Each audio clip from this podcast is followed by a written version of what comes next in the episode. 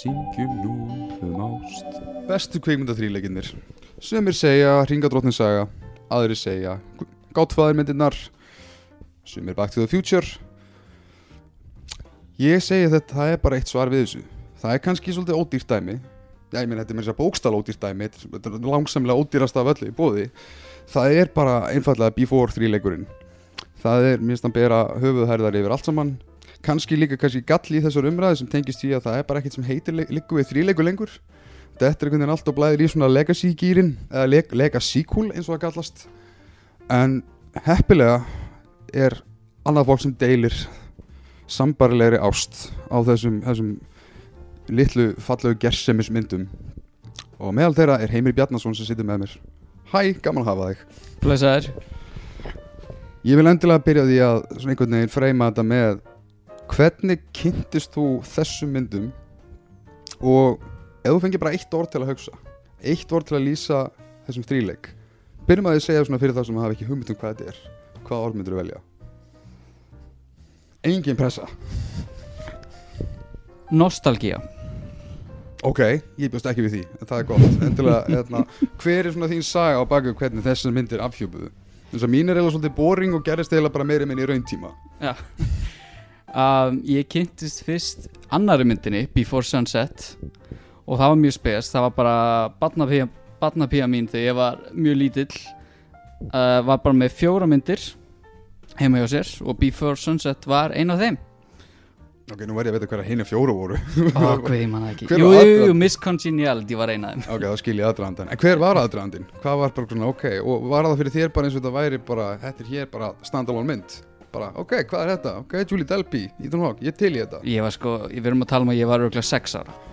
Ok, En á einhverjum ástæðum þá alveg festist þessi mynd bara Hún festist alveg í mér Bara á þessum aldrei þótt ég, ég meina ég skildi á alltaf hvað var í gangi. Það er góð mótandi nostalgía maður. Já, það er alveg svolítið, já, það, veist, í rauninni svona, það sem að örgulega markasvæðingar myndi segja, þú hafi örgulega ekki verið með réttum aldri, en þetta hefur greinlega skilið eftir einhver fræ. Og, og hérna en, en, hvað, en hvað svo, þannig að þú veist, þú tengdir þig við hana, sást hana? Já, örgulega oft sko. Af Því að þú veist, ég var oft hana og eins og ég segi, voru bara þessar fjóra myndir. Og ég man eiginlega bara eftir hessari og eftir að horta á hann örgulega með þýsku döbbi eða eitthvað, þetta var í Sviss. Mm -hmm. um, Svo man ég ekki alveg hvernig ég fer svo út í að horfa á þríleikin sjálfan. Það var örgulega, ég var örgulega það var örgulega tengt leikstjórnum Richard Linklater var búinn að sjá hinn að myndina School of Rock og Days and Confused og svoleiðis. Mhm. og tek svo eftir eða lesum þríleikin og fatt þá, herri já. Það er svona óavitandu var þetta eiginlega bara svona fyrstu kynniðin við bara full linkletir experience nánast. Algjörlega. Alveg, það er alveg svolítið hellað sko, þegar ég nefnilega tengið mér svolítið við einmitt þann pól að vera, þú veist, ég var alltaf ungur til þess að kunna meta hvað í rauninni sem þetta var. Þetta var, ég var nánast líka ennþá sjálfur á þeim aldrei það sem að bíómyndir voru annarkort bara skemmtilegar eða leiðilegar. Eins og þú veist, eins og póllin var einhvern veginn þegar maður yngri og þegar maður datta okkur fullorðislegt þá bara, veit ekki, hvað er í gangi? En mín stutt að saga að því hvernig ég kynntist Jesse og Celine uh, fullkomlega í tókun Ethan Hawke og Julie Delpy það var á vídeokvöldi hjá eldri sýstu minni. Og þetta var þannig tíma ég átti að vera lengur fann að sofa ég held að giska ég hefði verið uh, okay, þetta var 90 og fyrsta myndi kom út hvað, 95 Já. þetta var 96, hún var, Mhm. hún var 100% nýkomin út á spólu.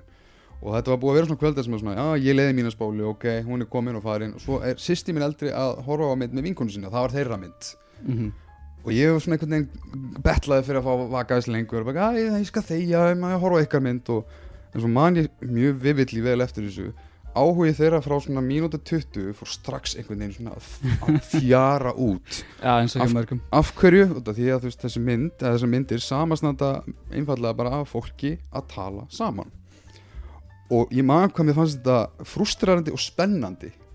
Ekkert endilega bara það að vera að tala saman. Ég var gliftur yfir þessari mynd á aldrei sem ég bara, wow!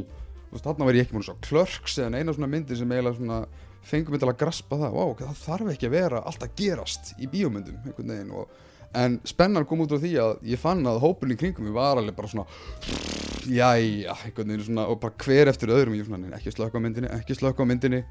Þau slökta ekki á myndinni en djúvill náðu þessi mynd að sá einhvernum fræjum þarna sem leti til þess að já, bara veist, þetta var ári eftir að fyrsta myndin kemur út og svo bara í rauntíma bara tók ég þessa mynd í ástfóstur og svo líða öll þessi ár á þeim tíma hvað var það, átta ár þá er allt í hérna frá byrju, hvað, það er að koma framald framald að þessu litlu, bara hérna einföldu fullkomnu ástarmynd og fyrstu viðbrið er bara eitthvað, nei þetta má ekki. Hvað, hvað er þetta að gera þarna? En auðvitað var í forvitinu og vildi tjekka á því svo kemur bara Before Sunset og hún er bara engu síðri, meiri segja kannski á marga vegu betri. Og fyrir það nánast eitt og sér að þetta er eins og mynd sem ég hugsa alltaf eiginlega hvað fyrst til þegar kemur að ef einhver spyr mig nefndi mig mynd með fullkomin endi.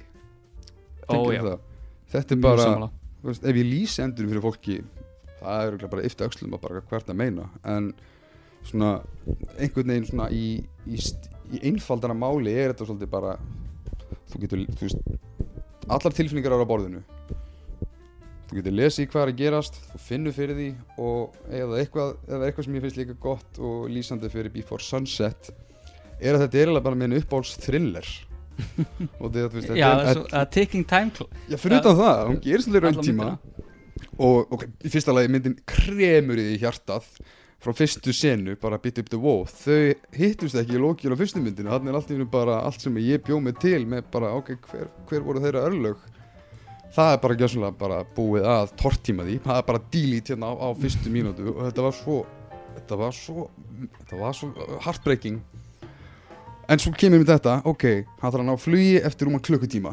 Myndin er 70 mínútur og þú veist, ok, býtunir, wow. Og, og hver hindrunir og eftir annari er hann að býtu, ok, wow, hann á badn og hann er giftur, nei hún er hérna. Þetta er ekki fyrir að gerast, nei, ég, ég geti þetta ekki. Þetta er, þetta er of realist fyrir mig, það er ekkert fyrir að gerast. Ég bara, nei, bara nei bíómynd. Ég, ég, ég meðtekja þetta ekki, nei, þú ert búin að sundra þessu pari frá mér.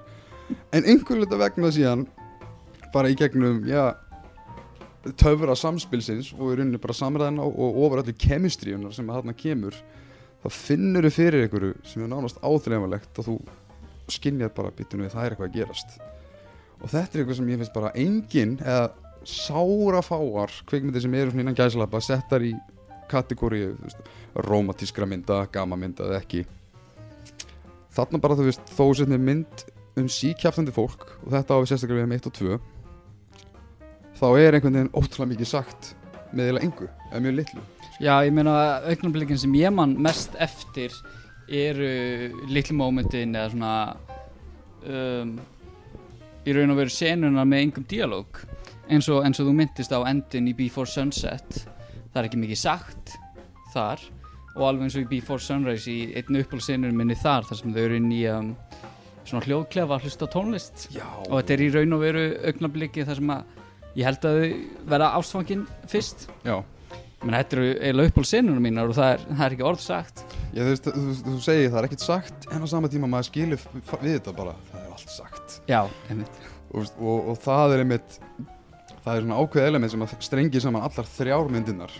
Að þú veist, þú færð mjög lítinn tíma fyrir þögnina en þegar hún er þú, veist, þegar þú færð þessa þögn þú sérðu líka hvernig það spilað úr henni. En þessi sinni svo að tala um sem er í fyrstu myndinni að, uh, sem að gengur í stuttumál út á bara svona þannig að maður gefið smá samingi ég vil endilega tala svona aðeins í kringum uh, spoilera fyrir það sem að ekki sé þar svo ákveðin viðbyggi vil ég mitt fara út í spilla bara svona til þess að tryggja það að þetta er eitthvað sem fólk ætti absolutt að setja á, á, á glópslista sinn vegna þess að mér finnst bara sára lítil umræða almennt um þessar myndir lítil vitneski um það um þær, það er svo sem og það er eiga sinni aðdándur en, en eins og margir halda það eða eins og ég held þá er þetta líka tekjur lægsti þríleikur já, allra tíma.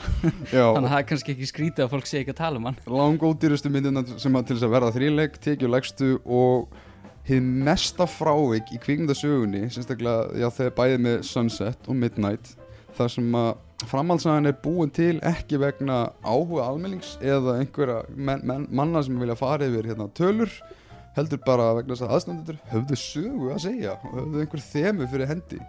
En sérst í mjög stöttu máli. Þetta, þetta er í rauninu snýst um það að þú ert með ungt par í byrju fyrstura myndarinnar. Þau eru cirka hvað 22-23 ára.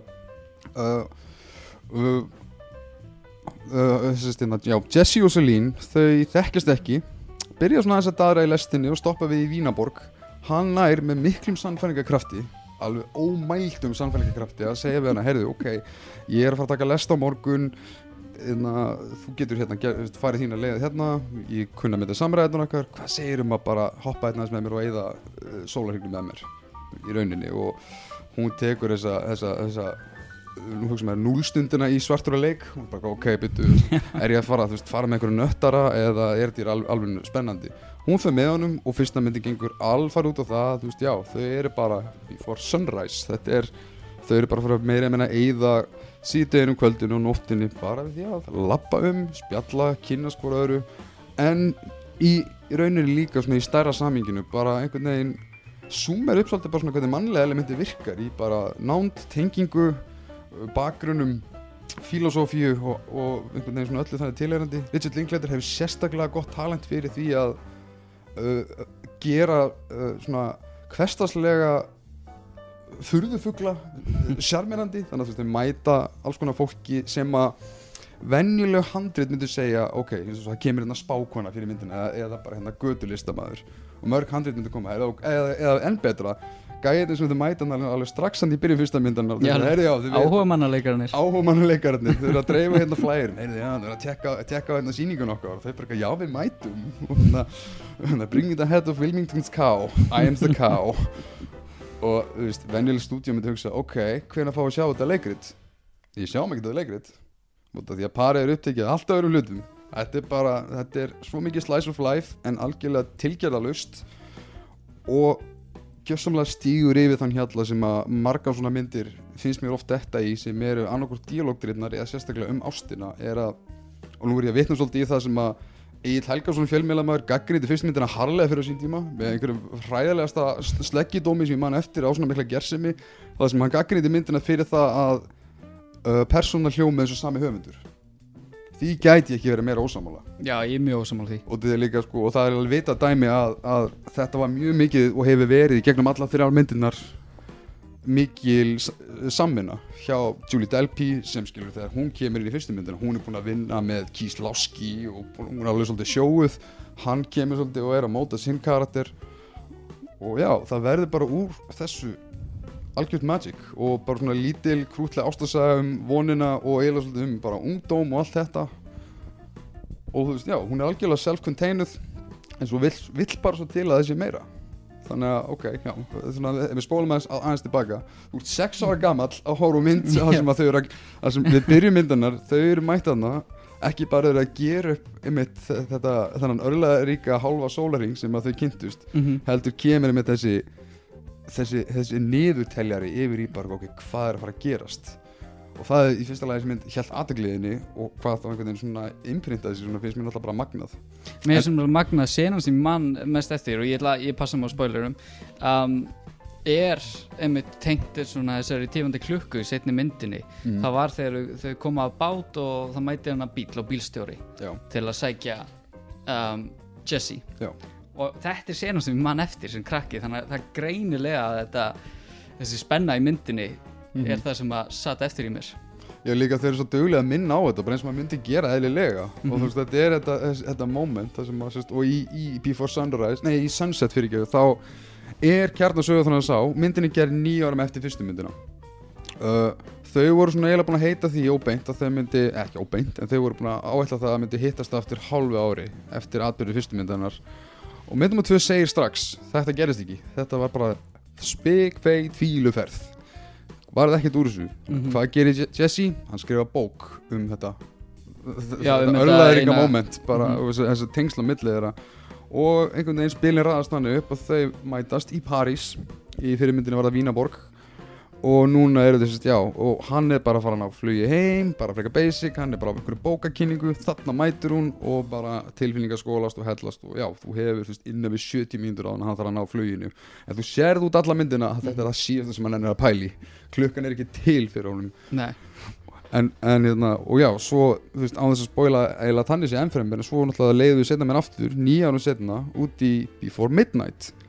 Og þú veist þetta er náttúrulega svolítið mér finnst þetta bara weird einhvern veginn að þetta allt saman hafi gengið svona upp. En sérstaklega núna spyr ég í samíkist þess að þú varst þetta ungur að, að móta tengslin við þau tvö á þessum aldri þú fannst þá væntilega fyrir aðdragandanum og spennunni fyrir ok, það er að koma ný svona mynd þegar Midnight var tilkynnt 2012-13 eða ekki? Jú, jú, jú, ég var mjög spenntur fyrir Midnight.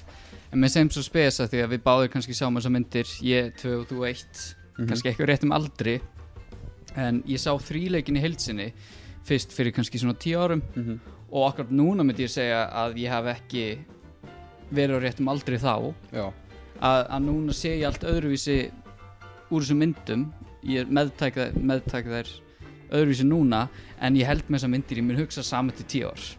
Já, það er líka svolítið kraftur finnst mér í þessum myndum. Og eiginlega svolítið, þetta er svona skeri faktorinu líka er að þú og kannski fleiri hafa upplifað ekki, ég veit að ég hef upplifað veist, við hefum öll verið svolítið svona hvort sem það tengist bara eiga moment eða bara spjallstund eða einhver, einhvers konar level af tengingu við aðra mannesku við höfum oft hugsað ok, við, svona eins og ég myndi hugsa ég er svolítið Jesse, þannig í fyrstu myndin bæði hvort það hittar á réttan aldur hugafarið, svolítið svona fokkið, lífið framið fyrir manni. Ég hef reyndar alltaf tengt við Selína á einhverjum ástæðum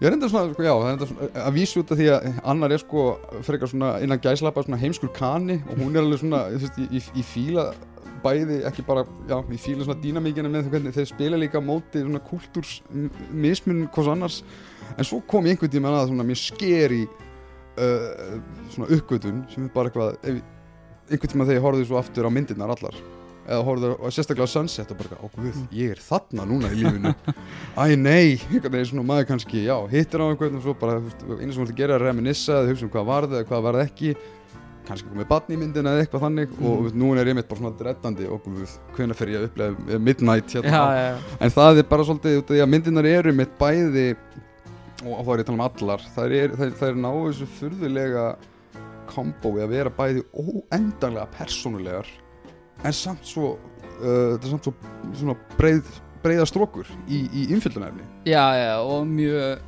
hvað ég veit ekki íslensk orðið hérna en þetta er svona mjög relatable. Ég var að reyna að segja ekki brottstróksbæði við erum áttalega sletta sko. já, já, já, þetta er, er, er, er óhuggulega relatable og, veist, og örgulega kannski sko, meiri sér fyrir þennan aldur. Ég, ég meiri sér oft velt fyrir mig að hóra tilbaka. Og eitthvað svona, var maður alltaf að leitast eftir sinni einn Celine hérna, eða, eða Jessie svona, ekki ok, betur, hér er, hér er einstaklingur sem ég er að tengja mig við. Hvað með ykkur, nei, þessi tjekka ekki bóksin þetta var ekki mitt, mitt before moment.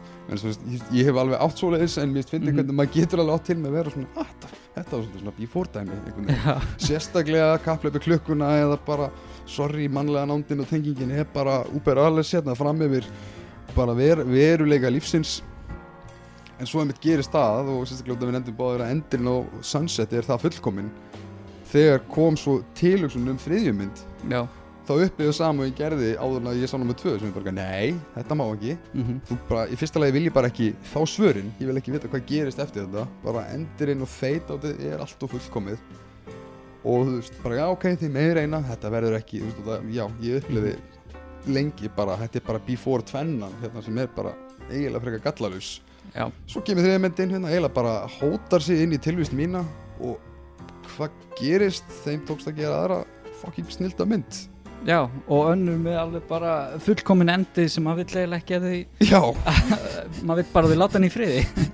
Og núna þú veist ef ég heyr einhver einhverja óma um bara eitthvað svona, að aðstandendur eru í daðara við þetta ég er svona, nei, veist, ég ætla að halda kjáftið bara. Þið gerið eitthvað þeng, eins mikið ég kann vel við uh, trílógíu sem konsept og finnst það leðilegt hvað það er svona pínu degjandi Mhm. uh, út af því að já, veist, þetta er bara góð endurspeglun og þetta er svipa á Robert Zemeckis einhvern tímann, bara þegar hann var að verja Back to the Future, af hverju var þetta gerð önnur? Já, bara að þrýr er bara ofallega tala. Byrjun, miðunin og endin endin skilju og það var allt morandi í þríleikjum þegar, veist, ég, þegar við vorum ungir skilju, það var Indiana Jones þríleikurinn. Já, það var sitcore hérna Star Wars þríleikurinn. Og veist, það var eins og já, það var góð, góð tíð þegar það var, Rambo þríleikurinn. En í dag skilju, það bara, það er ekki til. Nei, það er, hvað er það, fimmleikur núna? Það er, já, það er, það er, það er skelvileg undantekning ef, ef þú hittir á eitthvað annað. Oftar en ekki er fjórðamendin alltaf svona pínu svona franchise reboot kunni vel við það þegar borðmyndirnar voru bara þrjár. Svo bara ok, þeir ætla að gera aðra. Það eru ennþá þrjóður í mínum hug. Já, þetta er, þetta er alveg svolítið ég er alveg svolítið það líka sko. Þannig að þú veist, ef einhver spyr mig hvað ég á mörg hvað, hérna, hvað ég á mörg börn, þá spyr ég fólk hérna, alltaf á móti hvað er Indiana Jones myndar í rauninni margar? Þannig að þú veist það er já, það er allir gangur á þessu. En já, óskiljanlega tókst Before Midnight að vera goddamn stórkostlega mynd og ég kemst ekki yfir það og ég gerði mitt einhvern mjög uh, perralega lista þegar ég var að gera gera upp kvikmynda áratugin 2010 til 2019 og það var bara engin mynd sem að einhvern veginn mér fannst meira mega sens að hafa á toppnum heldur en Before Midnight. Þetta var mynd sem að bara einhvern veginn hitti á alla nótunar með það sem hún er að segja náði að expanda bæði náttúrulega bara samskipti og persónusköpun þeirra en uh, mikilvægur en allt annað hver og ein mynd í þessum þríleik hefur eitthvað nýtt og meira svona, uh, svona uh, bitastætt að segja. Bæði bara um veist, hvað það er að vera mannlegur bara hvernig, já, það getur verið kultusmismunur það getur verið væntingar, það getur verið romantisismi, já, romantíkinar allir gataði mannskoti og þegar þú ert komin veist, inn í uh, hvað sé, eða svona nær, nær miðjum aldrei eins og er í þriðmyndi þú veist, það er náttúrulega heil hellingur auka að farangri sem sérstaklega kemur í þeirra lífi sem er bara sárt að einhvern veginn fletta af. En allt sem er sagt, þetta er greinlega gert af svo uh, svo mikilli nærgætni og það er svo já, þetta er allt svo út hugsað ég, ég horfi ekki á þessar myndir og bara eitthvað svona "Ah, ok, vá, einhvern tókst að gera krútlega litla mynd í, í, í þremur herbergjum. Nei, mér finnst líka magna með Before Midnight einmitt um, finnst svo vel gert í þeirri mynd einmitt að því hún er að snerta á svona þessi touchy subject með náttúrulega um, aðra fjölskyldu hans mm uh, Jesse og svoleiðis og er þannig sé rurildismyndin þetta er er ef að Before Sunset er thrillerinn þetta er fucking stríðseppingin sko. Já, já. En hún nær samt alltaf að vera rosa real. Mm og detta ekki í eitthvað melodrama og svoleiðis. Já.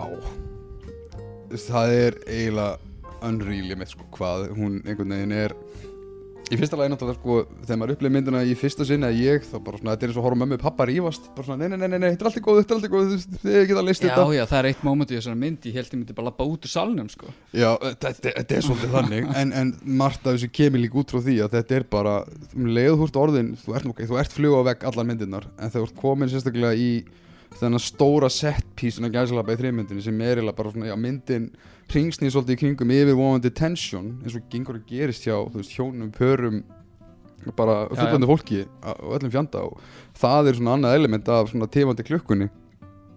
Og bæði er það að gera upp þessi nýja ár sem er á milli mynda sem við sjáum ekki og líka bara framtíðin og í rauninni bara spyrja svona stærri spurningarnar sem fylgja því svolítið og, og tengja skemmtilega hvernig fyrsta myndin er byggð upp sem er einmitt bara þessi unga uh, skilislösa ást skilju, bara ok, ég er einstaklingur og bara ok, einhvern veginn ástin sigrar allt og bara maður er ungur og æði. Og þriðmyndir er einmitt svolítið mikið deconstruction á já nei, þetta er eiginlega svolítið flóknar en það en á sama tíma ertu alltaf með þessa gegnugangandi rómatík þú veist, ef að þú ert þess eðlis og ég hef oft einhvern veginn haldið fram eða veltið fyrir mig meira að þú veist ge- ö, og eða sem vek okkur sér upp þessa spurningu gæturu hort á þessar þrjár myndir með svart sínum augum og fengið jafn mikið út úr þeim? Skilur, svona eins og uh, eins og sért bara, ok, tökum fyrstu myndina sem dæmi. Þú veist, ok, uh, þú, veist, þú sérð og það blasir við þetta er tenging og þú veist, þau eru viðkunnulega og allt þetta. En svo kemur svona þetta raunsæðist dæmi yfir mann svona, æ, eru þau samt að fara að geta hist? Þetta er bakgrunnar eru ólíkir, hann býr þarna hún er lengst hinum megin. Er þetta að fara að ganga og svo er mitt, já, hvað gerist í myndunum? Það veruleikin skellur á dregur svolítið í sundur. Og önnur myndin er um það að þau eru að recaptura og eru einu svona endur uppgötva. Nei, ok, þetta var ekki bara einhver, einhver fantasísari tilfinning, það er eitthvað til staðar.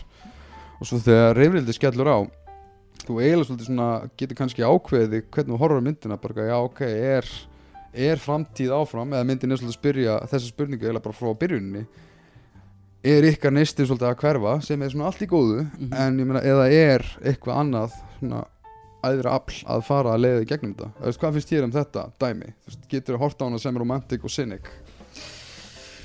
Ég myndi, ég myndi segja kannski 2 og 3 En ef þú ert sinnig þá held ég að þú sérst ekki frá að lifa fyrsta. Kannski. Ég held að personan sér lín til dæmis myndi örgulega ekki klára fyrstu myndina. Nei, alls ekki. Og með þess fyrsta með, Ég fæ svona áhugaverðustu viðbröðun úr henni En svo það var eitt sem uh, horfði á hann með mér Sem var uh, Já, mjög bjart sín Mjög bjart sín típa Og eina sem hún tók úr henni var eiginlega allt bara svona um, eins og með spákonuna og og, og, fannst, og hún fannst það allt svo djúft sko. já, já. þannig að þau ert með svona mismöndi típur sem að horfa á þessar myndir en sem er eiginlega svolítið það sem myndin gerir sjálf myndin er svolítið að einmitt brjótaði upp. Og stundum er það Jessie og stundum er það Celine. Já, er það ekki Jessie sem er einmitt í þeirri sinnu bara eitthvað svona, þú veist. Jú, en en er sérstaklega með og fer eiginlega allt götulistamann og hart í það sko. Já, og eiginlega með alveg bara götulist rakkar hann niður.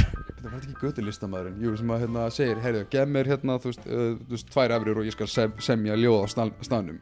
Jú, og Celine finnst þetta ógeðslega fallegt og hann kemur hérna með, hann byður um eitt orð og þau velja, þú veist, mjölkurísningur milkshake. Mm og hún er alveg snortin af þessu. Og hann er svolítið svona, þú veist hann treður bara einmitt. þannig að þetta er svolítið til að spila á þína tilfinningar. Þannig að á einhverju leveli finnst mér Jessie og Celine heppilega er það ekki bara annað hvort, mér finnst þið alltaf vera rótirandi mér finnst þið mjög ve- vel endurspegla svolítið hvernig þú getur um, á annan vel leiftir að vera snortin bara yfir tilfinningunum og þessum er bóðið svo getur líka að playa svolítið svona innan gæðslega bara raunsæðis típuna bara eitthvað já, og það með að mitt svo eðlitt við þessa persónu eins og þú segir þú veist, að það er aldrei uh, fyrirsjánlegt hvernig einhver er að fara að bregðast við eða svoleiðis en þau eru svona alltaf, þú veist, trú sínum karakter. Það er ekki bara að vera flip-floppa á milli Mhm. svona karakters einkenna hjá þeim. Nefnilega, og það helst gegnum gangundur og samaskapi get ég ekki ímynda með hversu erfitt er að skrifa eh, díalógsinu og hvað þá heila kvikmynd í kringu það að þú ert með central conflict sem er þarna í Midnight það sem að þú nærð einhvern veginn fyrir eitthvað vel og manneskulega og fyrir eitthvað með raunsæðum hætti að uh, hvað segir maður, svona kortleikið þannig að þetta sé ekkert einhliða. Þú getur hort á Before Midnight og hugsað, ok, ég ætla bara að fylgjast með svolítið hvernig hugafarið og í rauninu hvernig hliðin hjá Celine er.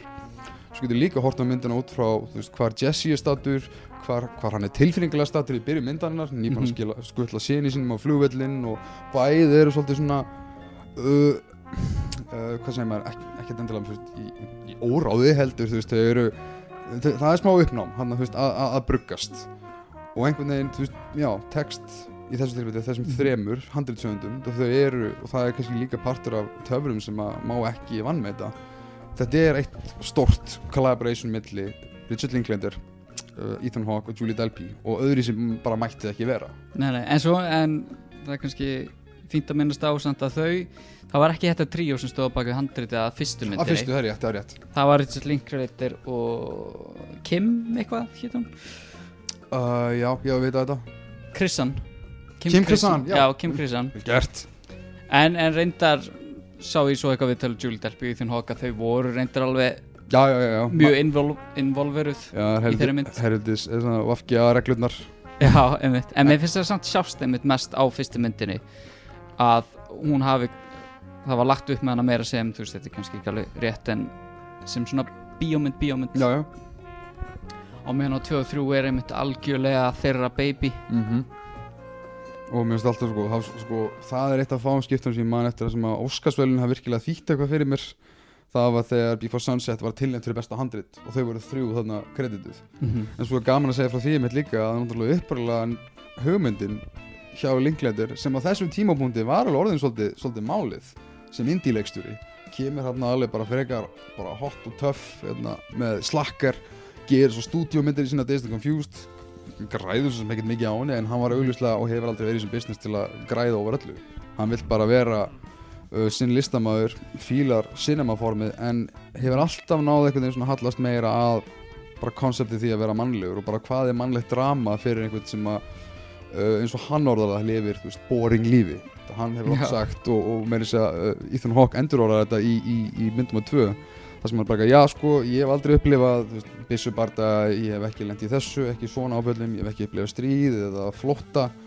En það er fullt af drama sem hefur komið fyrir í mitt líf skilur mig, og það er svolítið mér finnst það að vera svona þýsis dæmið á bakvið myndirnar. Það sem það er verið að sína hvernig þú getur gert drama í þessu tilfelli tengingar og rómansdrama og einhvern veginn það að krifja hvað er, veist, hvað er ást, hvað er samband, Mhm. hvað er rómans og hvað, veist, og, og hvað eru eðlilega væntingar af slíku Mhm. á sama tíma og þú ert í rauninni að ekki gera það melodramatíst Ég held líka að þetta sé eitthvað sem rosamargir kvikmyndagerðar menn sé að reyna að krakka er um, að því ég meina fyrir okkur sem önda einn hlutir þú veist, ef þú segjum bara sefur yfir því eða eitthvað svoleiðis eitthvað sem er ekki neitt í bíómynd en þú veist, við finnum náttúrulega fyrir svaka tilfinningu Mm. við það, annarkoð sekt eða gleði eða eitthvað.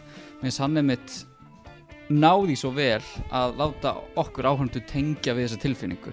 Að finna fyrir jafnmiklu já, hvað sem það er jafnmiklu drama og personuna í myndinni. En já, ég, ég glemdi að nefna það einmitt að það, það sem að leiti Þetta var náttúrulega þriðja myndin hjá Linklater eftir Days and Confused. Já, Sunrise Before Sunrise, alveg Mhm. rétt. Og myndin er inspýruð af í rauninni sönnu atviki hans tilfelli. Hann sagði bara, já, ég upplifði þetta moment. Ég var bara hérna bara í bakbókaferðalegi um Evrópu og mm -hmm. svo bara kynist ég þessari, þessari bara fínu stelpu og við bara áttum moment og svo setna við komast til því að hún, hún lést langt fyrir aldur fram sem mjög sorglegt. Og, hérna, og en það, það þurfti ekki meira til skilju, og hann og svo í, í einu aukaefninu sem ég horfði á fyrir þessar myndir þá var þegar Ethan Hawke fekk þetta handið í hendurnar og, og þetta tengist bæðir í relatability umræðinu og svona að við erum allir við, við eigum allir einhverstaðar eða öll einhverstaðar svona before sögu. Og þegar Ethan Hawke fekk handið þetta fyrstu myndin hann var bara svona ah, motherfuckerinn, mér langaði að gera svona mynd. Bara tvær manneski bara bond og spjall ég hef oft pælt í þessu, okkur gerði ég þetta ekki? Bara svona, já, lenglendir settist niður og gerði þetta. Já, já, já. Mér finnst það reyndar áhört um, Fyrst þetta er byggt á alveg sögu Þá hefur líkleitir upprænlega byrjað þegar hann skrifa handriti þá sé, sé, sér hann örugglega sjálfum sig rosa mikið í Jesse. Já, já, já, já. Og það er svona pæling hvenar kannski það hætti að vera þannig og Jesse var svona sjálfstæði persóna fyrir Linklater eða hvort þetta sé ennþá bara Richard Linklater að reyna að tróða sjálfum sér í bjó Ég held að sé að þetta er orðið eða að þessum tímpunktur örugglega bara blanda af Ég myndi halda að, að, að, að þú tekur Jesse og hann er blandað af þeim öllum þremur. Já, í, í dag þar að segja. Og, og út af því að Julie Delby er, veist, hún er í rauninni alltaf þessu karakter heldur en Celine og viðkynna það sjálf. En hún leifir samt svona pólið þessu skoðinu sínum að, að svona leka í gegn og, og vera með svona, veist, hún hugsa svona, já, já, Celine á þessum tíma, hún væri pottitt aktivisti og hún væri svolítið svona í þessu Já. og, og, tæki, og, og meðan Ethan Hawke í, uh, Jesse í byrjun fyrstu myndana er náttúrulega svolítið svona hann er Amerikanin er í, í, í, já sem meina vel já, í, útlandum en er samt svona þekkir ekki mikið heiminn út fyrir sína landsteina og, og, og, já, hann fílaður hafnabolta og þetta og, það hljómar enda alveg svo Linklater. En Þetta er svona kanin sem að vill koma til Evrópu og búið til bíómyndir. En á móti, svo þegar þú ert komin út í veist, meira svona fullorðins og sérstaklega foreldra aspektana við mynd 2 og 3 ég get ekki hort á Before Sunset á hans að hugsa ok, þessi mynd var gerð cirka bara minni mig í kringum það tímbila sem Ethan Hawke er að skilja við um með þörman það Já. hlýtur að vera eitthvað element þarna það sem að hann hugsar, heyrðu, ok ég, ég veit hver, hver, hver Jesse er hann, er, Mhm. mm -hmm. hann er búinn að vera í hérna, svolítið ástalus í hjónabandi eða bara að sendast í kringum þetta gæn alltaf upptekinn en svo með við ekki líka gleyma því að og þetta er eitt af mínum uppáhalds elementi við Jesse sem personu og þar finnst mér Linklater svolítið blæða í gegn. Það er hvað hann er indislega stórfenglega pretentious rithöfundur. Og, þú- er og, og hann er svolítið svona staðgengið fyrir Linklater að vera svona já ég vil bara gera mynd sem gerist öll eða gera sögu sem gerist öll á spanni við heilt lag. Það er líka svo gott að því bæði uh, Sunset og Midnight 2 og 3 eru með senu og honum einmitt að pitcha einhverju bara bull hugmynd Akkurat bara einhverju algjör sem er bara eitthvað- einhver algjör hugmynd sem Linklater var með Aha. Og hefur auðvitað gert einhverja variationir af sambarilega hugmyndum sko. mm Mhm. ég, meina, ég get ímyndað mér linkletur í partí þegar hann er þú veist, 21 árs bara eitthvað Ég verði svolítið til í, það er enginn að fara ekki með peningi til þess Ég verði til að gera á þroskasögu eins og við sjáum oft nema að hafa drengin öll þessi ár og 6 til 18 ára motherfucker eða eins og bara, ó, hvað myndi gerast í myndinni? Mhm. Ekki neitt Þetta er mynd um hann, hans minningar og, hans tengsl og er svolítið bara svona time capsule. Það er enginn að fara að borga fyrir það, hættu sem maður. Alveg svo fólk segir oft við henni í myndunum sérstaklega á, á Greiklandi í þriðmyndinni þannig að pitcha þessa stórkostlegu bók sem hérna hann er, hann er að vinna í það sem að, þú veist, já, þetta, þetta hljómar einmitt akkurat á blaðið og hvernig lýsir sér svona, wow, þetta gætur svolítið tilgerðalegt en, þú veist, ég gæti virkað en eins og þetta er kynnt þá. Já. Það er svolítið tilgerðalegt En mér sem þetta áhört um, um nefnu Boyhood um, eins mikið og ég fíla hana þá finnst mér með Before þrýleikurinn svo flott time capsule já, og virkilega betur uh, í þeim tilgangi en Boyhood.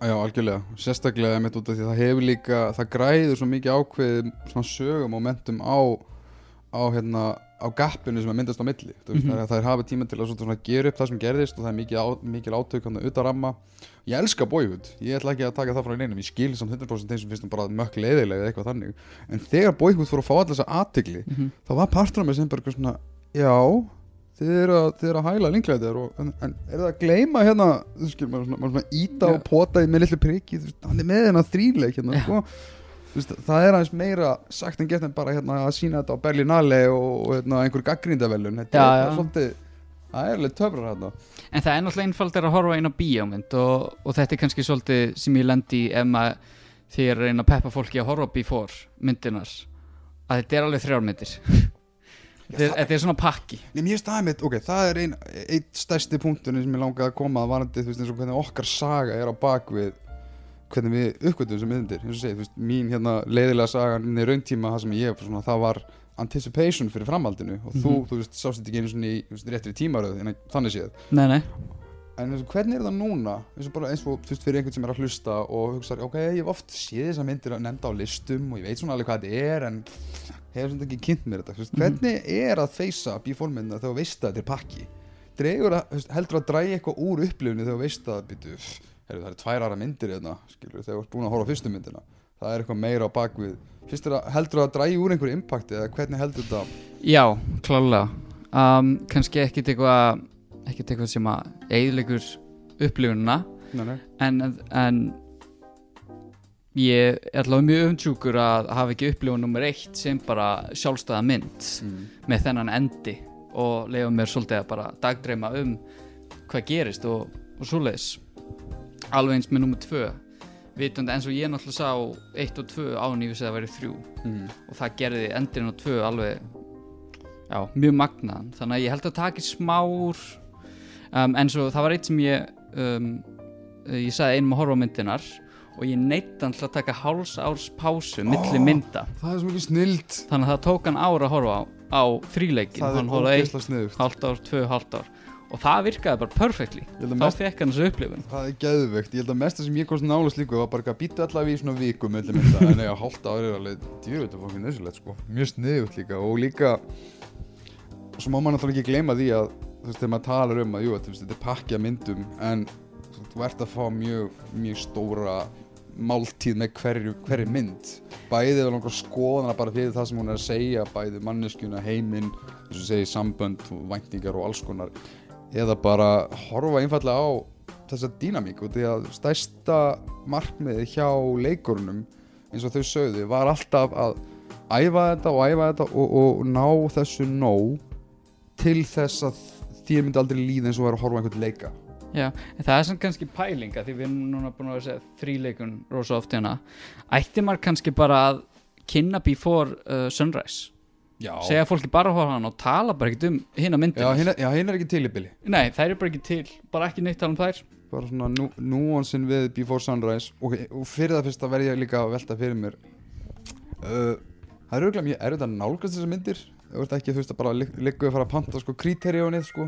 Það ég, ég er alveg ekki mikið reykist að er á íslenskum veitum. Nei, ég var einmitt að leita um, um daginn. Og ég held að Ég hjálp, bara fann það ekki. Já, ég held að hjálpi heldur ekki veist, ok, aftur, ok, ég veit að við erum að, við, við erum að steingleima tilvist þess að þetta sé þríleikur en þær eru allar samt uh, fjármagnar að mismyndi stúdíóum Er það? Já, þú veist, fyrsta myndin er held ég ég, man ekki alveg svona nákvæmlega hvað það var en hún var svolítið svona, svona Castle Rock eitthvað indie. Jú, það er rétt, já. tvö er 100% Warner Wa- hérna indie-deild Warner eins og hún hétt á sín tíma. Og uh, Já, Warren Independent. Já, emitt og hvort þessi Fox Searchlight eða eitthvað, nei, það er eitthvað annað sem að koma á þreymyndin, allavega, að pointi er allavega já, það, var alltaf ekkert eitt stúdíu sem var alltaf bara hamrandi eftir annari mynd. Hver einasta mynd var til að frumkvæði Linklaters sem finnst mér það náttúrulega svolítið það gera það svolítið ennþá meira special. En ef við tölum bara um Mhm. Before mm þá hérna hvað er, veist, hvað er þetta við þessa mynd sem virkar svona vel? Og þú vorum að tala líka um time capsule. Já, er ég að spyrja? þú sagði bara before Varst það með einhver ákvæmna mynd? Nei, ég fyrir ekki fyrstu myndina. Já, fyrstu, Já, þau tölum við before Hvað Nei, það, er bara, það er bara til ein mynd. Þannig að þú veist uh, ef við skoðum þetta út frá þe- þeim basis að myndin er time capsule á skilur hún er alveg pjúra mid-90s gerð svolítið til þess að fólk og heppilega er kommenta á þetta setna meira af karakterinum þar sem bara þú horfum út í dag bara eitthvað heyrðu þetta myndi aldrei gerast ef að samfélagsmiðla væri eins og hún er í dag sem er svolítið líka pointið það er líka sem genum svolítið fallega. Þannig að þú veist, þú ert með já, hvernig hvað er það við þessa mynd sem að gera hana að svona góður í ástasögu? Þess að er þetta að svara, það er bara því trú í sögunni. Það er bara, þú veist, ég horfa á þetta Ég veit þetta er Julie Delpy og Ethan Hawke Ég veit þetta eru leikarar En maður bara missi sig einhvern veginn Bara um leið í lestinni. Mm -hmm. um, ég líka fyndi sko þegar hún er eins og hún saði líka á það þú, þú finnur alveg fyrir því þetta er bíómynd, hún hefur skor og hún er, svona, hún er lástemt en hún er alveg svona hún er alveg svolítið glossy. Það er, það er smá svona, smá svona uh, hún er ekki eins distinctively indie. Nei og það er líka kannski að því hún er af, Í þrýleiknum er hún með flest locations Og það eru stittri senur Og hún er meira svona að drífa sig í raun og veru. Já, Og þess vegna sagði hún væri svona mesta bíómyndin já, af þessu þremur. Það er meira svona, mér finnst vera meira svona clear cut struktúr á henni og, og svo leiðis Hún- er líka bara svo vel að afhjúpa að veist, þetta er svolítið þetta brýtur allar þessar meintu mítureglur sem eru veist, uh, show don't tell en, en þetta einhvern veginn býr til sitt eigi sett af reglum það sem að þú kemst til dæmis að rosalega miklum bakgrunni um þessa personur ekki til dæmis bara með því að þessu að tala um sig sjálfa. Veist, það, Mhm. það er auðveldalegin út. En núna síðan þess sem ég er sérstaklega að pæli það er uh, þetta, er mín, þetta, þetta er mín allra uppáhaldsena í myndinni. Það er þegar Jesse og Celine er að tala þau eru í náviskúsannars en þau eru að þykjast vera að ringja í vini sína mm sem hinn manneskjan. Já, og ég bara elska allt við þessa senu bara það að lýsa þessu finnst mér vera svo, svo, svo gúrmi út af því að já, þú veist, hana, en setupið að þessu er sérst þann- þannig að þau eru búin að eyða einhverjum x klukkutímum þannig saman. Það er að liða á kvöldið og þau eru svolítið svona að velta fyrir ok, hvernig áttur að lýsa mér fyrir viniðinum þannig að þú veist Celine setur sér svona amerikana einhvern veginn svona chauvinistik mm Mhm. Dude bro gýrin og hann einhvern veginn svona, já. Það er líka svo æðislegt að því að Selín tekur bara upp á þessu. Það er ekki eins og þetta sé kynnt einhvern veginn það er ekki eins og hún segi, herðu, núna erum við að fara að gera þetta. Allt í henni hún bara komið höndin á, borð, á borðið og segir ring ring. Ó, ég, já, ég elsku það það er æðislega sena og, ég, og einmitt fyndi og minnst á þessu senu ég var einmitt þegar ég var í námi í kvimdugerð þá áttum við að í einu svona workshopinu áttum við að taka senu úr bara einhverju bíómynd og endurgera þetta er sena sem ég endurgerði. Og þannig að ég á það til lengstar þannig að þú veist, þú er bæði að fylgjast með hinn er einstaklingum svona bregðast við bæði hvernig hinn er að lýsa tilfinningum hvernig hún, og líka svona hvernig í djóki hún, hún sér hinn einstaklingin en þetta er líka bara svo, þú veist þetta er bara svona be- bert definition af bara gæðasnund á, á kameru. En þú gætir aldrei fengið þess að sinna til að virka og þetta er skilur alveg ef maður notar kvikmyndafræði heitin þetta er alveg svolítið þetta er að síga inn á setni aktin svolítið. Mm -hmm. en þú getur ekki tekið þess bara svona á einn spýtu þú verður að hafa þögnuna þú verður að hafa litlu innan gæslappa samræðnar um ekkert. Til Það- og það sem er svo áhvertu við þessa senu er jafnvel þótt að um, það sem ég fíla náttúrulega við myndina er að þetta er myndum par sem verður ástfangið að það gerist fyrir eitthvað hratt. Myndin er ekki að draga það út en, en og þau eru að eiga mjög svona hreinskilnar samræður og allt þetta. En það er alltaf svona smá vörn á þeim og þetta er svona sena það sem að loksins um, við fáum svona að heyra alvöru hugsanir þeirra en þau þurfa samt þennan leik þennan, þú veist, tekjast henni ekki vin þangað til hún segir þannig að herðu já, þú veist, mér langa að fara með honum af lestinu bara þegar hann sagði hæ, aha, nánast, þú veist.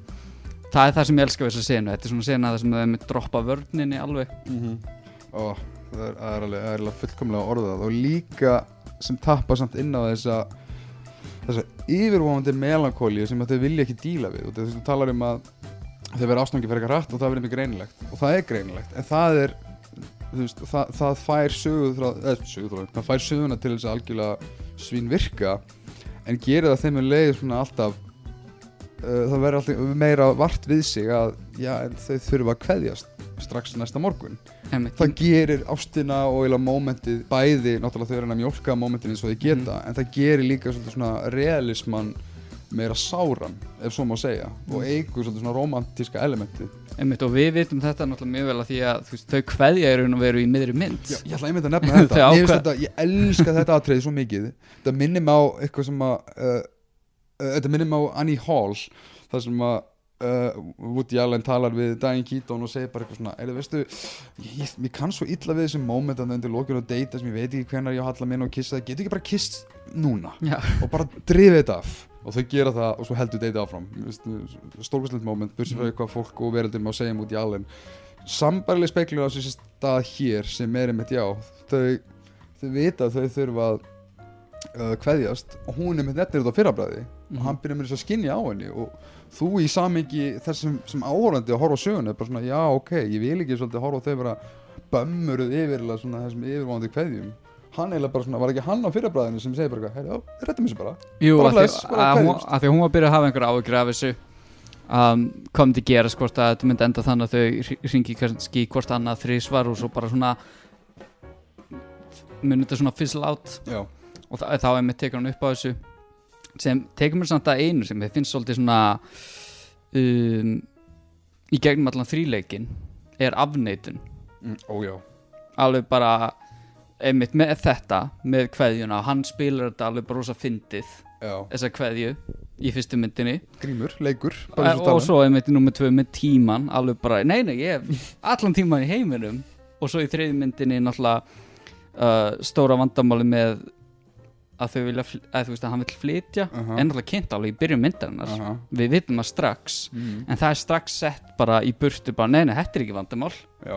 Þetta mun ekki springa setna og þá er rauninni stó, st- stærsta afleitunni í þriðmyndinni sem maður snerti aðeins á hana þar er afleitunni meira en minna svolítið svona hi- byggð í historíuna þeirra. Og, það, veist, og það er eiginlega það sem að leiðir að stóra rifrildunni á, í hótelherbyggjum en þau eru svolítið að gera upp mjög stór djúbstæða vandamál sem hafa poppað upp reglulega í gegnum sambandið og ekki bara í tengslu við já þú veist hvernig tengslinn hans er við veist, sína fyrirvændi, hína barsmóður sína og, og allt þetta veginn sem þar fylgir og eða þú veist möguleika á framhjáhaldi hjá öðrum hvorum eða báðum aðilum svona allir þessi hluti fara að búbla upp sem að maður finnur alveg, það hefur verið afneitun hérna og fyrst einhvern veginn hanskandur er komnir af hjá þeim báðum það er bara, þú veist, þú ert bara að horfa á þú veist, ég einhvern veginn djóka svo oft með að þeir eru sína uh, ég finnst að segja, sína nýju fólki þessa mynd eða þeir sína fólki before midnight í fyrsta skipti. Og kannski bara ég þekki myndin orðið það vel. Ég ímynda mig alltaf með svona, svona, svona, svona boxfight bjöllehljóð bara ok, nú er Já, hann komin hérna ok, hann tekur þetta ó, alveg þvílíkt róthögg hérna hjá Jesse. Nei, herru, hún tekur stólinn á hennum og gjörsamlega niður fellir hann. Já, veistu hvað ég mæli ekki með? Að fara með horfa Já, þú varst að fara að segja það. Að fara með ættingi á myndina Nei, ég ætla að segja við að horfa hana með fyrirvændi Já, það er náttúrulega hræðilegt. Nei, ég fór með mömmu hann í bíó. Það er alveg bara ekki gera það. En það er skemmtilegt í á... En svo er örstuð með hótelherbyggja senuna Já, Það er raun og verið svona anti-útgáfan af þessari senu úr Before Sun- Sunrise með, með símringinguna því þetta er, þetta er nákvæmlega einn stæmi þar sem þau droppa vörninni og alveg bara segja hvað þeim finnst Mm. nema það náttúrulega muni ákæra í Before Sunrise. Aha það er líka, þú veist, það er annað sem er partur af þemunum sem er, einmitt, þetta, er- þetta er svona sár sannleikur en þetta er eitthvað sem myndin þarf að díla við og gera svo vel. En það er sári sannleikurinn sá og það er engin farangur. Það er engar, engar minningar, veist, það er ekki þekking og hinum alveg, það er bara þessi pjúra nisti og þessi forvitni og þú veist, já, tengingin og einhvern veginn svona viljin til þess að Mm. kynnast þeinu meira og, og það er áhvert líka að sjá samt hvernig þriðja myndin finnur gigantíska fegurð en nær samt að vera mjög romantísk í eðlísunu þrótt fyrir það að hún er að díla við miklu þingri innan gæðslega bara svart síðni element sem að í rauninni ættu já, að granda mörgum samskiptum fólks, þannig séð. Og þegar ég sá eitt skipti sem ég sá Before Midnight þá horfði ég hana með félaga mínum sem að og við vorum með ger ólíkt og þetta, þetta minnir mig á uh, svona romantíst versus svartsýnis versjoni af því hvernig hún horfir á myndina ég, já, ég, ég skil við áhverjum myndinu við félaga minn og hann er bara eitthvað, ah, jésus, það er leðilegt maður. Hann fílaði myndinu í tætlunum hann bara, þetta er leðilegt já, þetta er bara of stórir hlutir til, fyrir nokkuð par til þess að stíga yfir. Ég bara, ok, þú sást hann sem stanni einhvern veginn svona Já, sem En- er alveg fair point. Mm en ég var alltaf kannski búin að sjá hana fjóru sinni þannig ég bara, já sko, í, í fyrstu sinni þá er greinlegt að það er smá törmögul hann og þetta er ekki alveg dagur og já, þetta, þetta er greinlega uppsatnað saman ég var að halda í svona ákveðna von. En, en að samaskapi myndi bara hún bara einhvern veginn absolutt virkar og líka sem er mjög líkil orð sem við notaðum á hann með að, að þau voru með hennan leik þau eru með leik Mhm. og er, er í formi varnar, grímu Já, með svolítið halda kúlinu. Ég elska svo mikið að loka senan í þessum þríleik sem er þá í rauninni loka senan í loka myndinni á þess að segja mikið byggist í kringum leik, algjörlega. Grí- grímu en, en meðvitaða grímu. Sem er hægt tólka rosa marga vegu mm. og eins og, eins og varst að lýsa með uh, þannig félagin og hans skólamyndinni, þetta er kannski áhörundar sem skiptast kannski tvo hópa, þú ert með meira svona hlutlös áhörundur sem bara meta aðstæðunar og, og svo leiðis og svo ertu eins og ég, ég bara held með þeim. Já, nefnilega. Það, er, það, er, það er ekki flóknu það er bara, ég vil ekki trúa neinu öðru þú veist, ég bara held með þeim, algjörlega. Þú veist, þau eiga bara þú hugsa bara, þau eiga þetta gott þing og þegar þú sérðu eiga það gott þing, það er annað sem að líka gerir þetta bara, þú veist ég meina, ef þú værir bara í rauninni með hérna Carnage útgáfuna Before Midnight sem var að byrja hérna í hótelsinni, þá væri myndin algjörlega þannig sé fallin um sjálfa sig. En út í hún gerir þetta bara svo rétt þú sér þau í sínu præmi þú sér hvað fjölskyldudýnamíkin þeirra er falleg. Mhm. þau hérna með tvíbur og stelpurnar og veginn bara svona og er í fríi og eigandi bara veist þessar, þessar indislega hverstaslu samræður sem síðan súmerast upp í uh, svona áður en að kaldi veruleikin skellir á það er einmitt bara það sem ég álít vera eina betri senum bara þessara aldar í kvikmyndasögunni sem einmitt snýst um mismöndi perspektíf á einmitt ást og tilveru.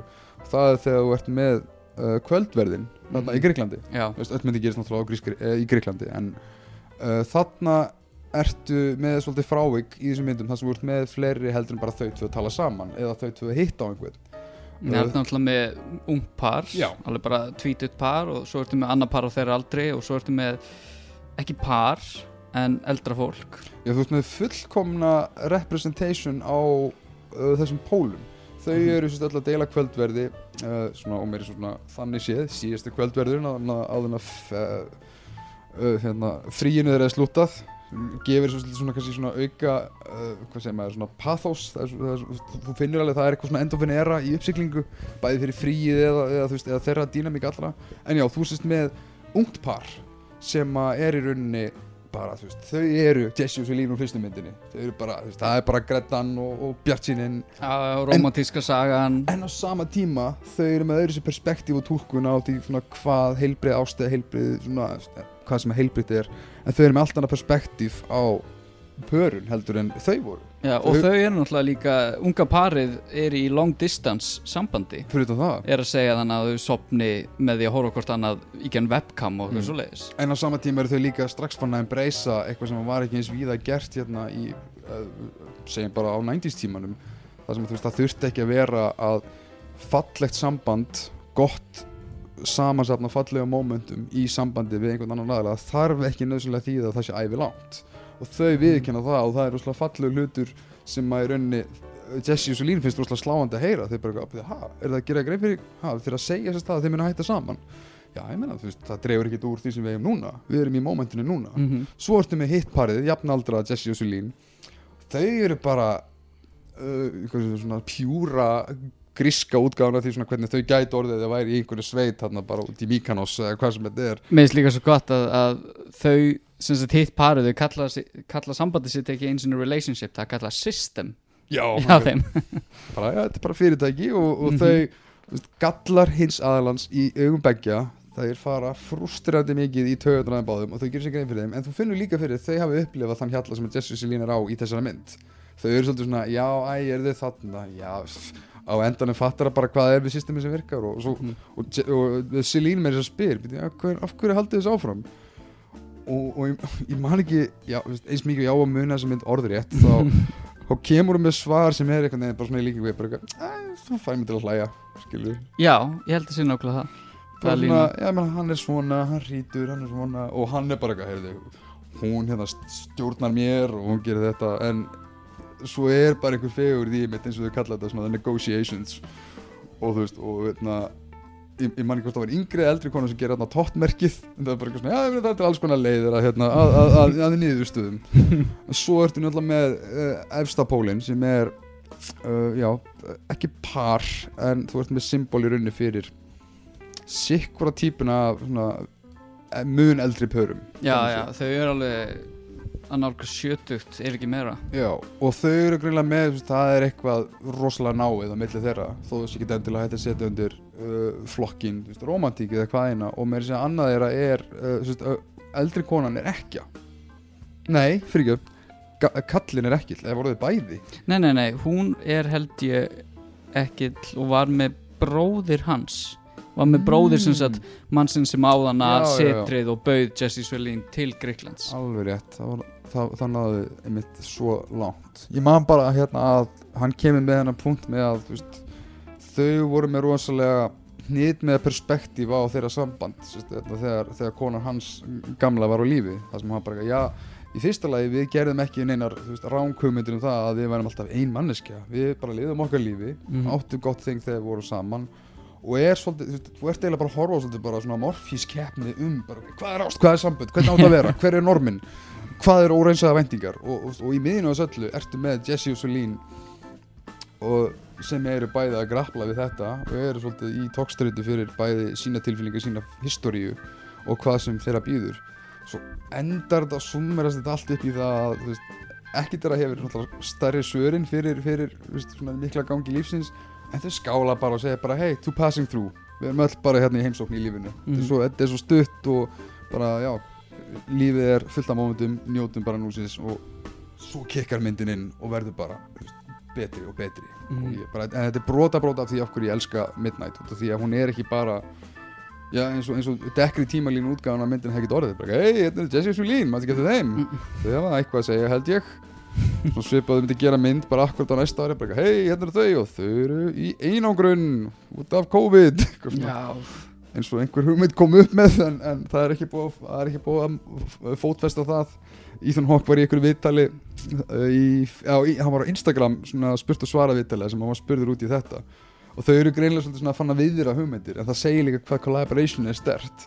Hann segir hérna að svo stöddu og þegar ég sé að svo stöddu að meina þetta var sagt hvað í bara í vor á þessu ári og hann segir bara, já sko, ég, var, ég myndi finna svolítið fyndið að þau væri bara inn í sótkví hversu, hversu fyrir þetta bara gæði á Ítalíu?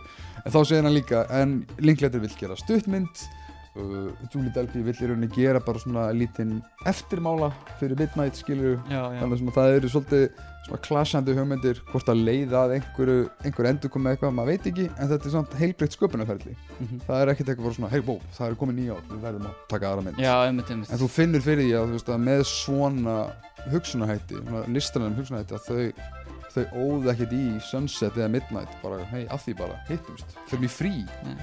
Og auðvitað myndum aldrei segja nei við sérstaklega eftir að að þeir eru síndu með 2 og 3 og að þau geta alveg gert meira en núna þess svona þegar ég pæli í því þá er þetta svo uh, fullkomin þríleikur að því ég var að fatta að pick-up línan hans í fyrstu myndinni til að koma út úr lestinni tengist sögu sem hann segir um tímaflakk. Já. og Midnight náttúrulega endar á svipaðri sögu um tímaflakk. Og þetta er í raun og veru svolítið eiginlega bara fullkomið fullkomin heild þetta er fullkomin bói. Og, þú myndir horfa á hérna, heimildamindina sem er á Criterion-safninu, þá myndir sérstaklega fá setningu frá Linklater þar sem að segir I like archways. Þannig að hann kann að meta sína boga. Og en einmitt til þess að setja loka punkt á það sem þú varst að segja, þá mynda má ekki gleymast líka að þau eru svona eiginlega á þeim tímpunktu orðin að parinu sem að yngra parið myndi þá koma "Pff, hvað er málið með þau?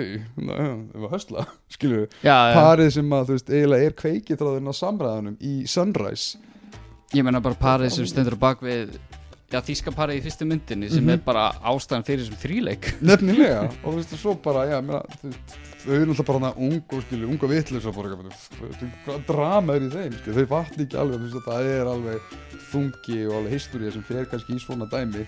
Að vísu rifildi þíska parsins sem var óvenjulega komist en, en, en, en lókingi stendsamt þannig að þetta er, ég held að hafi verið að því að eh, þetta var náttúrulega ekki textað já, já, í raun og veru hún, heppilega svo. Já, heppilega svo. Þú veist, ég kann þýsku og þegar maður skilur þetta þá er þetta emmitt mjög dramatíst ok, og kannski aðeins svolítið over the top. Það er ógeðslega gott. Ég, ég en, en, enn þann dag, dag veit ég ekki hvað er að rífast um það. Já, það er fínt. Og ég fíla það reynda að alla myndina er það sammeilegt að það er stundum einn klift bara á einhverju svona auka personur á sínu tungumáli. Það er ekkert verið að texta þetta Nei, það er bara, þetta er bara til. Og, og, og engin, engin þörf á því heldur alls ekki. En einmitt uh, tengt auka personum og minnst áhört með þessar myndir hvað svona stílinn á þeim er samt öðruvísi. Aha. eins og þú segir, fyrsta myndin hún er varandi tónlist, það er skor í henni. Mm. hún byrjar á rosa dramatíski svona klassískri tónlist.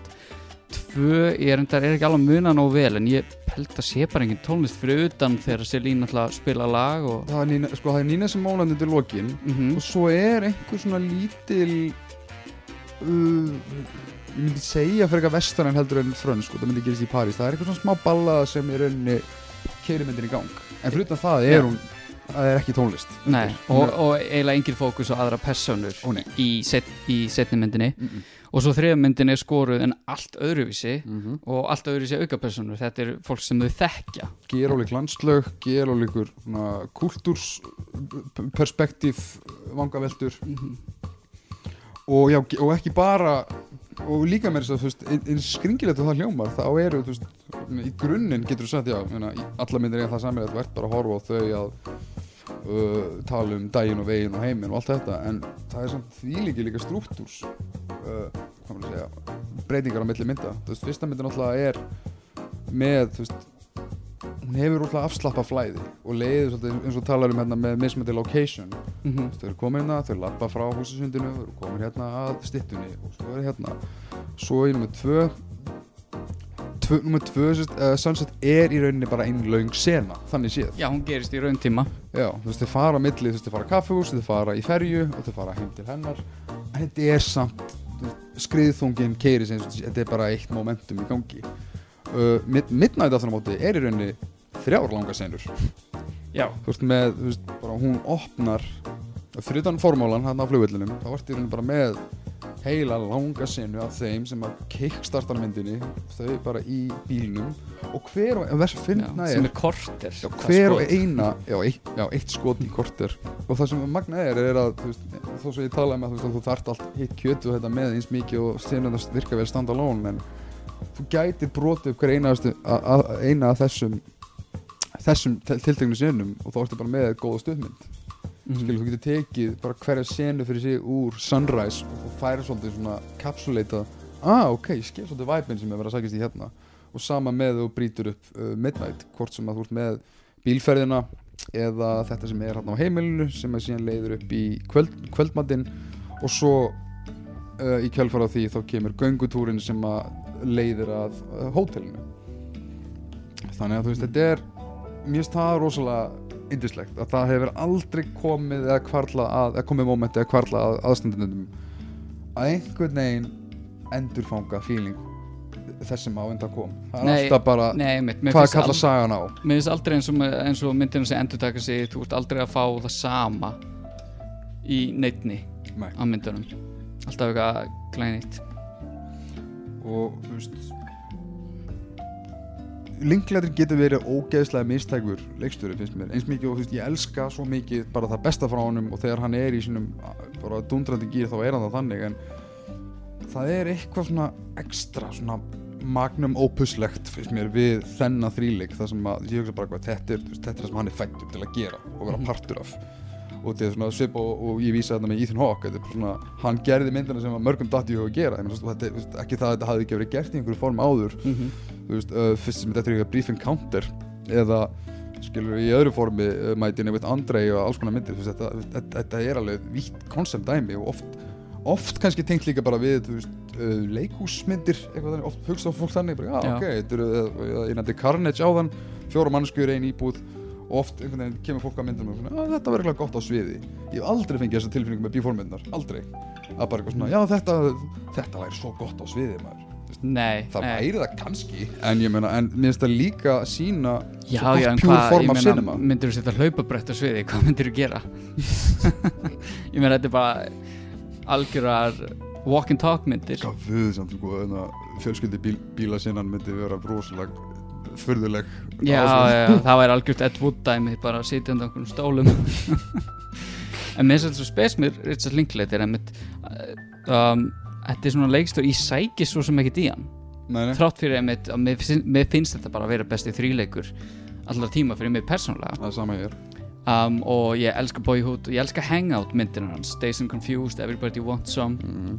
en ég sækist ekki beint í uh, meira þessar svona hefðbundnu myndina hans. School of Rock er fín. Já, já. Um, ég hef ekki séð senstu tvær myndina hans.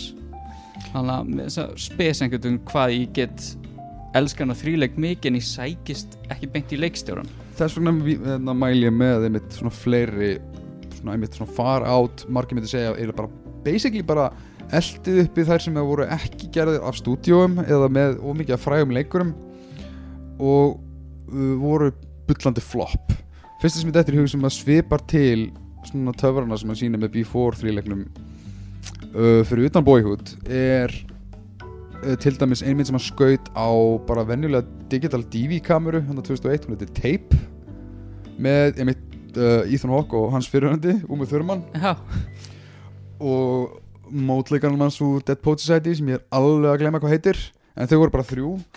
Og það fannst mér vera smávægilegt dæmi um svona ok, hún er, hún er góð en þannig sérðu svolítið hvað þú- appreciata miklu betur hvað B4 hefur sem þetta hefur ekki.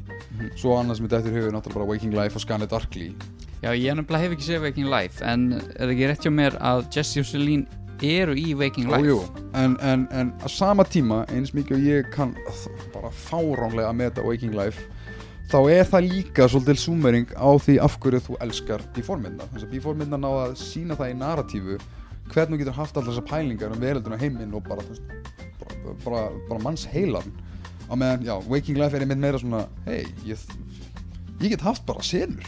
Bara hver eftir annari, það þurfi ekki að tengjast. Bara, er hér er gaur að tala, er hér er annar gaur að tala? Og þeir þekkjast ekki, þeir tengjast ekki. Er hér er Jesse og Celine og þeir að tala og þetta er, þetta er gott stöf en, Mhm. en aftur, þú, þú sérð kraftið í því og erfiðisvinnuna við það að hnóða sér svona saman, ekki bara í narratífi heldur með gott uh, svona emotional þrúlæn það er náttúrulega bara, þú veist fyrir það náttúrulega eitt og sér myndi ég segja að þetta bara er besti þríleikur í heimi. Það er, þú veist, ég, það er skrítið að segja og það skiptir svo mikið máli hvað þessi vinsæl skoðun eða ekki en þetta tengist einfallega bara því að það náttúrulega þetta er ekki stórlega þekktar myndir. Þú veist þessi myndir er ekki eins og nógu þekktar til þess að skilur skapa þannig hópa af fólki sem er bara að þetta er ómeðið skilur, man, man, man finnst einhvern veginn sem að sé alltaf að finna eitthvað sem að hefur ekki uppgötvað. Fólk hefur heyrt um þetta. Og ég þekki því miður mjög marga sem hafa bara séð eina af þessum myndum á einhverjum tímapunkti. Já, þegar Before Midnight kom út ég man þetta mörgum sem bara, já ég sá þetta, hann, þetta góð mynd, virkilega góð mynd. Já. já ok, hefur þessi hinnar? Ha, hinnar ok, þú varst alveg, alveg fjör eftir. Og ég upplega þetta líka þegar Sunset var glæn í og, veist, og það kýtlar alltaf einhvern veginn í maður þessi tilfinning bara svona, ó, ég er að fara að sína þér eitthvað svolítið gaman. Ég myndi segja samt Sunset virki minnst sem sjálfstæði eining sennilega. Ég sé alveg fyrir mér að geta horta á Midnight. Og ég menn þú skilur hann alveg. Sen, sennilega alveg líka, líka út af því að hún er eina myndin eina framhaldsmyndin af þessum tveimur sem að notar visual flashback á fyrstu myndina. Það, þú veist, þá kannski ef þú er að horfa bara einn og sér þá fengir þú kannski svolítið tilfinningu að ég er að missa af einhverju. Skilur þú, hún notar svona brot af, af römmum úr fyrstu myndinni þegar hann er að ríkappa um hvað bókina snýst þannig í Sunset. Það kom þessi litlu moment. Já, já, já, Sunset. Já, já, þannig að svona ef að ég myndi horfa á hana bara einn og sér þá væri ég svolítið svona ah ok, ég er að missa af hinni myndinni. Ah, ok, beitt ég hana. En ég kannski hugsa þetta líka bara að því hún er tvö að því hún er í miðjunni. Já, já. En var það ekki samt lengi? Þetta er bara, þetta er sín einn saga um bara já, Mhm. glatað ást og ég reynir svolítið svona að yfirstíga eða einhvern veginn allar hindranir eins og kemur fyrir. Eins og þetta er bara svona mín uppælega tilfinning af það að horfa Sunset var bara þetta var svona ákveð þetta var svona algjör skilgreininga og lástendum tilfinningar úr sípana mm svona, bara, og bara það að heyra upplýsingar um fólk skilur, Mhm. þú, veist, þú ert tengdur þessum einstaklingum og bara það að hann segir veist, bara já bara það að það eitt að hann segir hann hafi verið þarna og, og hvernig þeir gerir þetta líka svo óserimónist hún bara droppar hérna já, ég las eitthvað um það að þú væri giftur. Uh, já, ég er giftur. Og þú er svona bakkaði í anskotanum bíómynd. En, veist, en það er það sem bíómyndir venjulega ættu að gera en að gæsa lappa skilur það sem að þeim er kent að gera. En það sýnir líka hversu vel ger, þeim tekst að gera þetta hverstaslegt það er Mhm. ekki það sem kallar exposition nema það sem gjör svona inngrafið inn í hvernig uh, þú þarft að stilla upp sögunni. Og þau gera það einmitt mjög vel með því Alveg að rosa, hafa- það er eiginlega magnað að sé ekki eitt augnablík sem allavega ekkert sem ég man eftir þar sem að hugsa, æ, þetta var klun, klunalega gert. Mhm. hvernig þú komst þessum upplýsingum inn? Það bara allt er einhvern veginn tímasett svo fullkomlega. Bílferðin einu sér í Midnight er, þetta er exposition dump en þú finnur aldrei fyrir því. Þetta er bara Mhm. að þau eru að vitna í alls konar hluti sem að áhórandin finnur fyrir eru nýjar upplýsingar og þau eru að tala um eitthvað sem veist, er fyrir þeim svolítið svona eðlilegt og hverstarslegt en þau, þau einhvern veginn stillir sér þannig upp að þú færi líka þessi tilfinningu á ok, þau hafa átt þessu saman að ráður. Og þetta er svona. Og þú getur bætt þessu við. Þannig að já, þetta er bara veist, einhvern veginn, þetta hakar öll checkbox fyrir mér finnst að, mér finnst að þessar myndir eitt að vera meira stúdiraðar sérstaklega fyrir komandi kveimdegera fólk sem vill sem bara æfingar í, já, bara góðum senubyggingum tilgerðarlausum leik sem að ber engi merkjum það að þetta sé leikur. Þetta er bara, engin. þetta er bara hinn mesta tákmynd þess að gera mynd þar sem þú ert flugan á vegnum Mhm. og já, exposition uh, dælur tónuð niður melodramatík sem er ekki melo- melodramatík að neinuleiti þetta eru bara hráar tilfinningar eins og bara ég og þú upplifum. Lífið er dramatíst og melodramatíst en þetta einhvern veginn bara svona sýnir það fyrir mér einhvern veginn í báðu myndum og það, og það er eina ástokkur ég elska líka bíómynda glansin eins og tölum um Before Sunrise Mhm.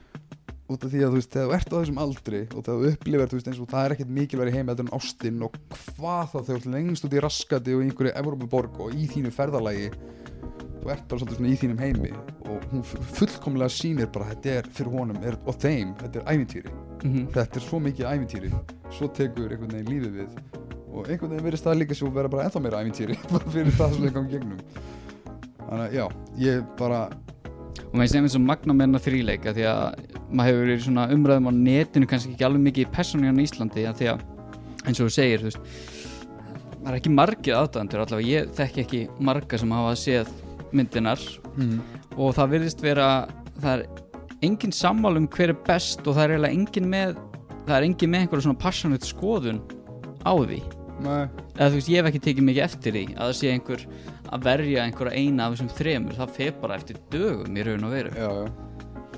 Og ég veist, ég, ég, ég, ég það, það var eitt sérstætt spjall sem ég átti við einn, góðan félag minn þar sem að uh, hann elskar fyrstu tvær. Hann getur ekki hort á þriðmyndina út af því að það er bara, það er, it, it's too painful.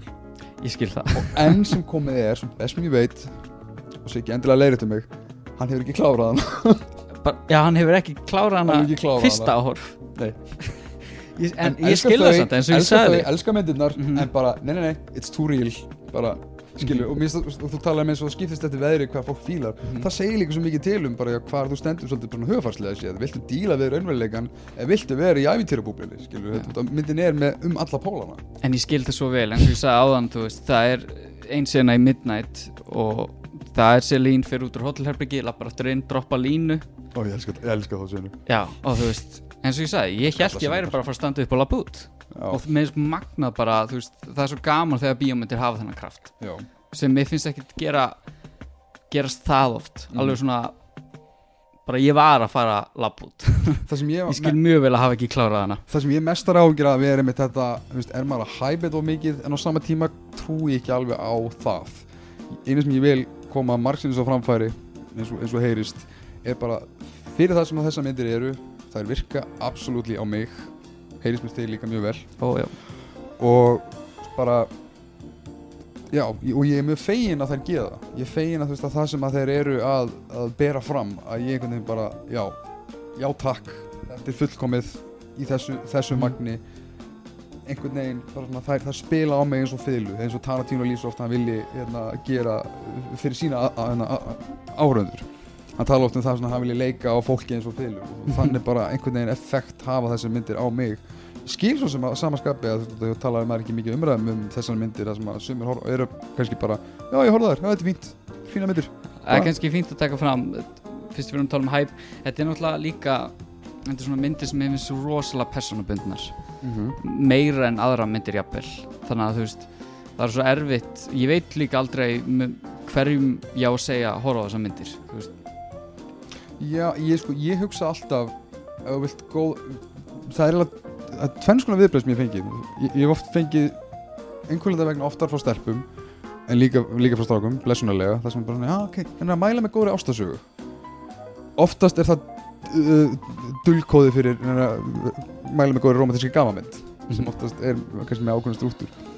En þú veist, þetta er meira sko já, fyrir að og fyrst með þetta vera bara að vera fullkomend um vel saðar ástasögur en þetta er meira, þú veist, þetta er um ástina, skilur, þetta er um þannig að já, ég, ég myndi einhvern veginn segja að, en þetta snýst líka bara um fólk og ég meina allt fólk einhvern veginn þú veist, við öll sem manneskjur þráum einhver formi, þú veist, tengingu hvort sem að það er uh, bara, þú veist, vinatenging eða persónulegri tenging eða hvað sem er og ég, mér finnst þessi myndi einhvern veginn þessar myndir hafa einhvern veginn getun og byrðina til þess að geta einhvern veginn að höfða til allra en kannski út af því að það eru svo inherently ekki hefðbundnar bíómyndir það kannski sk- býr til einhvern stóð það sem einmitt, já, það er meira svona forritað í okkur, svona, ok, hvena gerist eitthvað ég bara elska einmitt að bara eða tíma með þeim, talaði með einmitt um hangout myndirnar hans Linklanders þetta eru náttúrulega bara hangout myndir en með þvílíkum substans þannig að þú veist, í rauninni ef maður myndi búið til einhvers konar kategóri fyrir bara handa hverju myndi er, þetta er bara fílar vandaðar uh, vel leiknar kveikmyndir, þú getur byrjað það svo breytt. Fílar Mhm. kveikmyndir sem að díla við einmitt bara og þú veist, þú veist, að krifja bara öll þau hugtök og allar þær hugmyndir sem að veist, John Hughes og romantískum gamanmyndir hafi gegnum árin svolítið svona verið að imprint honni í fólk. Þetta er um akkurat það. Þetta er bæði með því og líka einhvern veginn gert til þess að uh, vera svona krítiskur hliðapótl á því. Mhm. þetta er bara, einhvern veginn já, ég horfa á þessar myndir bókstælega ég horfa á Criterion pakkan sem er bæðið mjög gott af Criterion hérna, safnin að gera til þess að ég tala um þess að þetta er mismunandi uh, distributorar og Já. gott hjá Criterion kom bara, herðu, gott fólk, þetta eru þrjár myndir, gjössu hérna, hérna eru allar, Já, engin miskilningur þannig að já, ég bara ég get ekki tala nóg um þessar myndir. Það er einhvern veginn, og það snerta mig alveg vel persónulega og það er margt sem að ég get projektað bæðið af sjálfum mér og ýmsu og líka ekki, líka fyrst eins og er bara, bara það að hugsa út frá því að vera 9-10 ára og horfa á fyrstu myndina og ég hefði ekkert konsept um skilur það að vera eins og úlingur á því stíi en það samt var eitthvað þarna sem bara náði mér. Þannig að, þú veist, já, þannig að mér finnst þess að myndi vera fyrir alla, þannig. Í ideal heimi, en, en líkilatri er bara að skoða, kanna í hvert flokki maður fer. Já, muna, muna bara að, þú veist, bara eins og með Pokémona. Við myndum bara að ná þeim öllum. Já, og svo sem eftir uh, hvað típu þú ert þá bara uh, sérðu meira af þér í annarkvort Selina eða Jessie þannig að það ætti alveg að virka á alla, alveg rétt. Absolutt maður. Ég segi bara þangur til næst, takk hérlega fyrir að koma maður. Já, takk fyrir að hafa mig